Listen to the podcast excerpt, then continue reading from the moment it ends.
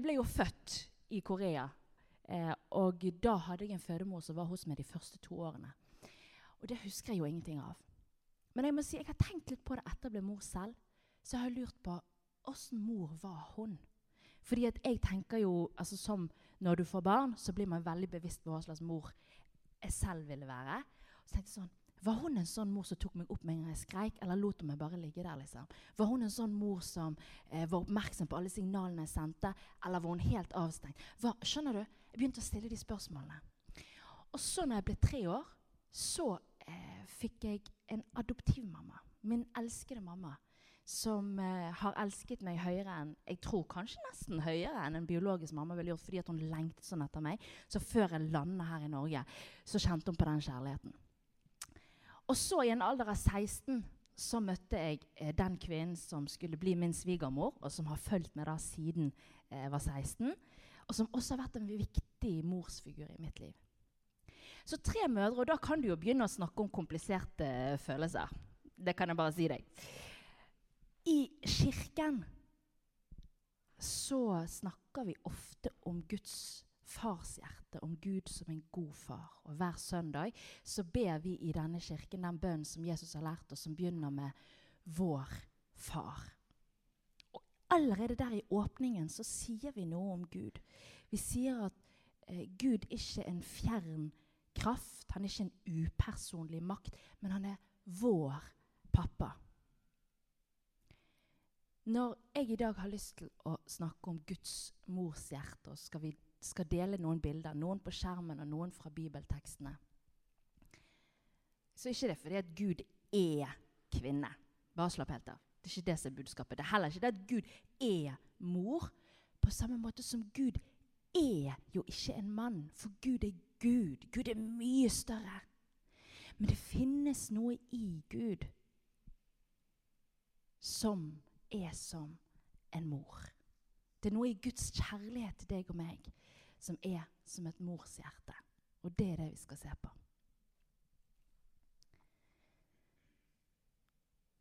En av mine favorittlåtskrivere hun kom fra Sverige, og hun het Lina Sandel. Og Den låten som vi fikk høre rett før jeg kom opp, er en av hennes mest kjente låter. Hun skrev jo salmer. Det var hennes sjanger. Og i det vi hørte, så sier hun eh, blott en dag, et øyeblikk i sender.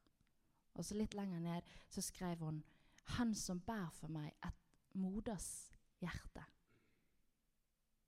Og så ble det skrevet om av noen luringer, ganske sikkert middelaldrende menn, til faders hjerte.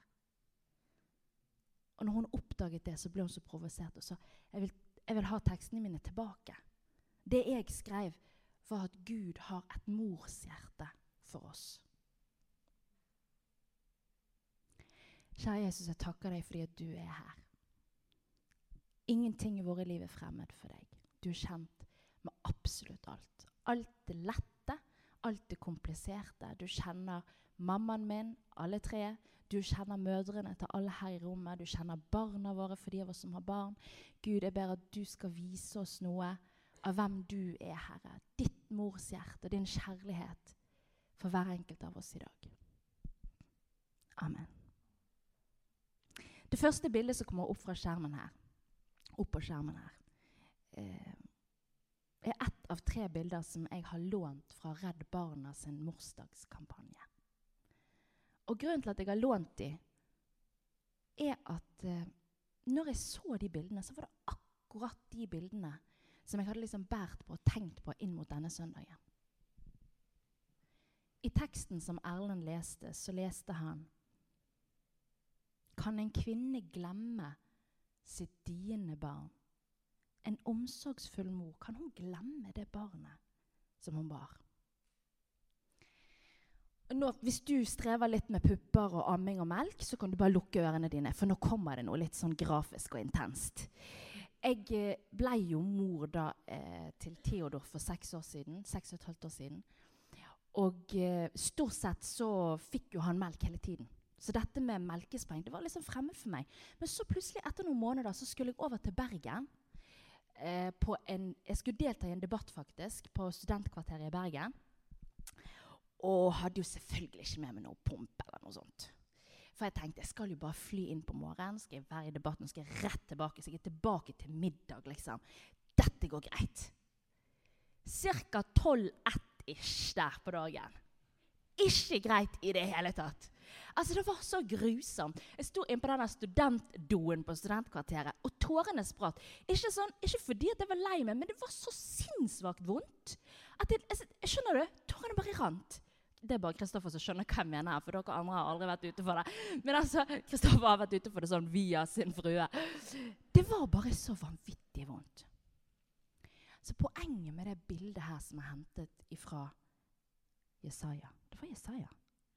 Ja fra Jesaja, det er at Gud han går til noe så grunnleggende i mennesket. Det er, så, det er en sånn biologisk og fysiologisk kraft i en mor som dier et barn, at det er helt umulig å skru av. Du kan, du kan, fly til Bergen og sitte i en debatt og tro altså, Men du klarer bare ikke å skru det av. Den omsorgen som en mor har for barnet sitt, kan ikke skrus av eller på. Og det er det Gud prøver å si. Vet du hva? Det hjertet som jeg har for deg, det kan ikke jeg skru av eller på. Det kan ikke jeg liksom planlegge meg til at ja, sånn mellom tolv og tre den dagen der, da skal ikke jeg være mamma. Eller da skal ikke jeg bry meg om deg. Det er ikke sånn Guds kjærlighet virker. Guds kjærlighet er så sterk og nærværende. Det er en del av hans vesen. Det er en del av den han er. Så han kan ikke løpe fra den omsorgen som han har for deg.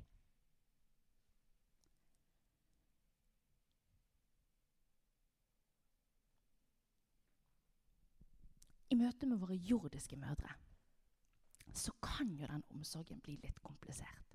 Og nå tar jeg et skråblikk bak til sofaen og alt det andre her av farlige følelser og kompliserte greier. Fordi at den beste intensjonen fra din mamma kan jo oppleves som ganske kvelende. Altså hin morgen, forleden morgen, så går meg og Theodor og Leonora, mine to barn, på vei til skolen hans for å levere han først. Og så regner det, sant? Og tatt på de liksom regntau greier og greier. Men hun skal så klart ikke ha noe hette eller noe som helst på. Hun skal sitte i det fri. Hun elsker å være fri og kjenne luften og sånn. Eh, og så begynner det bare å pøse ned sier sånn Nå tar vi på regntrekket. Og det er jo Jeg liker å tenke i min moderlige omsorg at jeg eh, tvinger henne til å ha på det regntrekket over vognen. For jeg vil jo ikke at hun skal bli sjuk. Hylskriker. Hylskriker sånn liksom i ja, iallfall i 200 meter, kanskje mer enn det. Mens jeg liksom går på i striregn, og storebroren går ved siden av bare sånn eh, 'Mamma, hun skriker, for at hun vil ikke ha regntrekket på.' Jeg bare 'Ja, jeg vet det, men det, det er det beste for henne.' I all min moderlige visdom og omsorg. Hun skal ha det regntrekket der på. Og så til slutt bare sånn Theodor bare sånn 'Mamma, nå stopper vi opp her litt.' Så, og hun hylskriker. Sånn. Treåringen bare i vognen. Og jeg er jo helt bestemt på at min omsorg overgår absolutt alt i denne verden. Så hun skal ha det regntrekket på. Og han bare sånn eh, 'Mamma, jeg tror det er bare mye bedre du tar av det regntrekket.'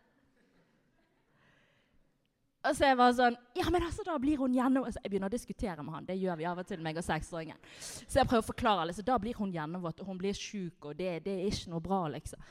Jeg tror hun blir mye gladere hvis du bare tar av det regntrekket. Eh, så jeg bare til slutt gir meg, som jeg ofte gjør da, når vi diskuterer meg og han seksåringen. Tar av regntrekket, og hun kommer ut som en sol. skjønner du? Ut fra det regntrekket. Og bare Å, så deilig å kjenne vann i ansiktet, mamma! Jeg elsker regn i ansiktet! Skjønner du? Og bare elsker resten av den turen til skolen. Noen ganger så kan menneskelige mammaer Vi vil det beste, og vi har så mye omsorg. Men det kan også være oppleves litt sånn kvelende. Litt sånn 'Men jeg elsker jo regn i ansiktet'. Dette er ikke et argument for at vi ikke skal sette grenser, eller noe sånt, men det er bare et, et lite, en liten sånn smakebit av at vår omsorg har alltid sine begrensninger kan ha sine skyggesider, kan være litt komplisert. Men Guds omsorg, den omsorgen som aldri slår seg av, vil heller aldri være kvelende, men vil alltid være med på å gjøre deg trygg. Og Det er også det andre bildet som kommer opp her. I Matteus 23 så er Jesus på krigsstien. Altså Du kan lese gjennom det. Han, skikk, altså han kjefter og smeller og raser mot fariseerne og skriftlærde. Og han sier til disiplene dere må iallfall ikke være sånn som de. Vet du hva De gjør? De legger tunge byrder på mennesker. Byrder som de menneskene ikke klarer å bære. Og hva gjør de så? De løfter ikke en fing for å hjelpe dem. Det er akkurat det begrepet der. De løfter ikke en finger for å hjelpe dem. Så Jesus er mektig provosert og ramser opp alt som er feil og galt, og hva, hva disiplene må passe seg skikkelig for. Men så ender han opp i en dyp, dyp sorg. Sorg over Jerusalem, over folket som ikke vil følge Gud. Som hver gang Gud sender noen til dem, så steiner de dem. Hver gang Gud har et sendebud, så dreper de dem. Og så bruker Jesus et bilde som er så nydelig. Jesus sier, 'Hvor ofte vil jeg ikke samle barna dine' som en høne samler kyllingene under vingene sine. Men dere ville ikke. Hvorfor samler en høne kyllinger under vingene sine? Jo, det er samme årsak som gjør at det farligste du kan møte på ute i skogen Sier ikke dette av erfaring eller kunnskap eller innsikt, men noen har fortalt det til meg. Det er en bjørnebinne som har bjørnebebiser i hiet sitt. Livsfarlig. Fordi at hun vil gjøre alt for å trygge barna sine.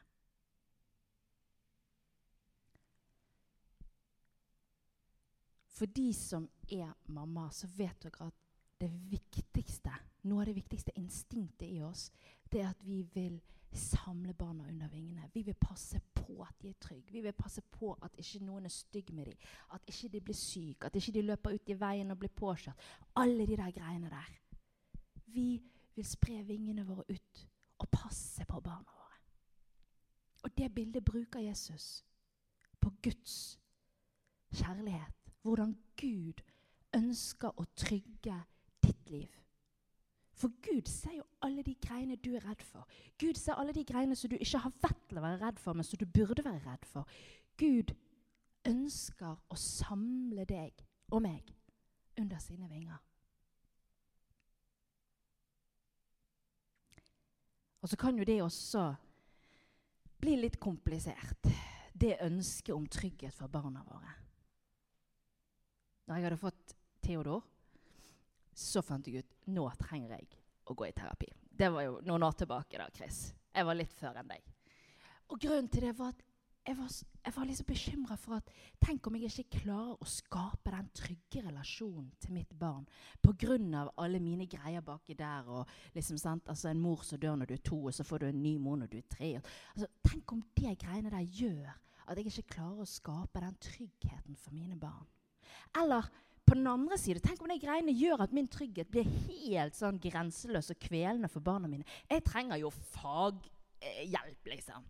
Så jeg, bare, så jeg holdt på med hun her eh, terapeuten da, noen sesjoner, og så til slutt sa han bare sånn Men eh, Silje, har du et problem med å knytte det til barnet ditt? Nei, altså jeg hadde jo ikke det. Men det kunne jo være. Ja, Så hun sendte meg ut, da. Fikk aldri komme tilbake til henne mer. Men eh, det var ikke poenget. Poenget er at vi som foreldre ønsker å skape trygghet for barna våre, men i det så ligger det også en risiko for at vi vingeklipper dem. Vi vil spre våre vinger utover dem, og så plutselig, uten at vi er klar over det, så har vi vingeklippet dem, så de selv ikke lærer å fly. Guds omsorg for deg, Guds trygghet i ditt liv, vil alltid være der. Men han vil aldri vingeklippe deg. Det er den tryggheten som sender deg ut i tjeneste. Som sender deg ut til å fly som sender deg ut i frihet. Fordi at du vet at det finnes en Gud som har et morshjerte for deg. En omsorg som aldri slås av, og som alltid har plass under sine vinger for deg. Det siste bildet som vi skal se. Når jeg så dette bildet, så tenkte jeg på en tekst som ofte blir lest i vielser. 1. Korinterne 13, hvor det står Kjærligheten er tålmodig, kjærligheten er velvillig. Den misunner ikke, den skryter ikke, er ikke hovmodig. Kjærligheten krenker ikke, søker ikke sitt eget, er ikke oppfarende og gjemmer ikke på det onde. Den gleder seg ikke over urett, men har sin glede i sannheten. Kjærligheten utholder alt, tror alt, håper alt, tåler alt, og kjærligheten tar aldri slutt. I denne teksten Jeg har lest den noen ganger det siste for at jeg skal skrive et kapittel om en, en annen type kjærlighet. Men i alle fall, i denne teksten så blir kjærligheten et handlende subjekt. Kjærligheten gjør noe. Kjærligheten er aktiv. Og hvis du setter inn mors foran kjærlighet, så tror jeg vi nærmer oss et slags ideal som mange av oss mammaene prøver å strekke oss etter. Vi vil så gjerne være tålmodige. Vi vil så gjerne være velvillige og stille opp for våre små. Vi vil jo aldri misunne dem for noe. Vi vil aldri skryte av vårt eget i møte med barna våre. Og vi vil iallfall ikke være hovmodige. Vi vil aldri krenke dem. Vi vil ikke søke vårt eget, men deres beste. Og en mor vil ikke være oppfarende eller hjemme på det onde. En mamma vil så gjerne utholde alt, tro alt, håpe alt, tåle alt. Og en mors kjærlighet er jo den kjærligheten som aldri skal ta slutt. Dette er et umulig ideal. Helt alvorlig. For alle dere som tenker at dere har lyst til å bli mor, eller bare tenker nå at 'jeg vil aldri bli mor'. Dette er jo et ideal som er helt umulig å strekke. Altså det, dette er jo Guds kjærlighet. Den er fullkommen på alle mulige måter. Men det er ingen mennesker, ingen mamma eller pappa, som kan leve opp til dette. Og det kan skape kompliserte følelser. I oss som foreldre, men også i barna våre. Når Daniel forteller om hvordan det var å ta den samtalen med moren sin. Det lever jo ikke alltid opp til idealet om en fullkommen kjærlighet, en fullkommen måte å møte hverandre på. Og det skaper kompliserte følelser i mor så vel som barn.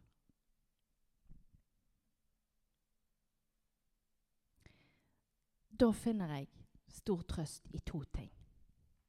For det første Noen fagfolk noen, Det er så mange fagfolk her, så de kan korrigere og supplere. har sagt at liksom, hvis du bare får sånn ca. 30 til riktig med barna dine, så er det nok. Da kommer det sannsynligvis til å gå greit. Litt lav prosent, eller? 30, 40, 50 Ja, du vet ikke, Silje. Ja. Altså, poenget er at det er noen sånne grunnleggende basisgreier. Og hvis du tenker tilbake på din egen mamma og pappa De gjorde jo ikke alt riktig.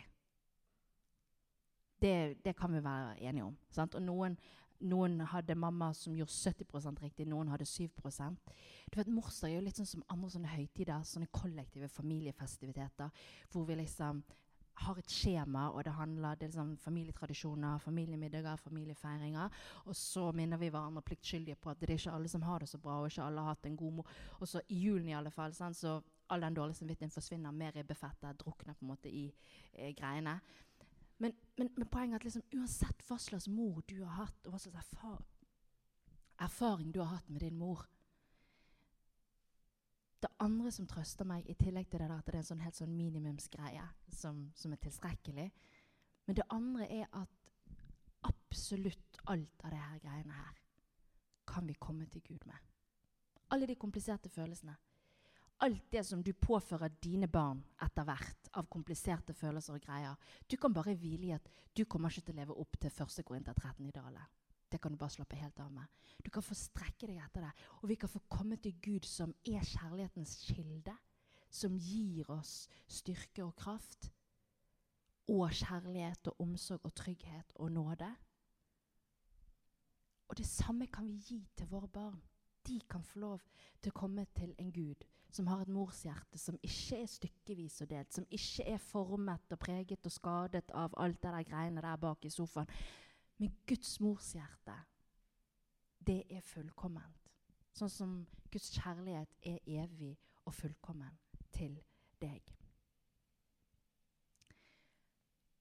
En annen favorittlåtskriver er Gabrielle. Og hun synger i en av låtene på sin siste plate. Du la meg hvile i ditt fang. Og når alt jeg ser er svart-hvitt, er du farger. Og når jeg kryper ut av huden for å finne land, er du en mors grenseløse omsorg for sitt barn.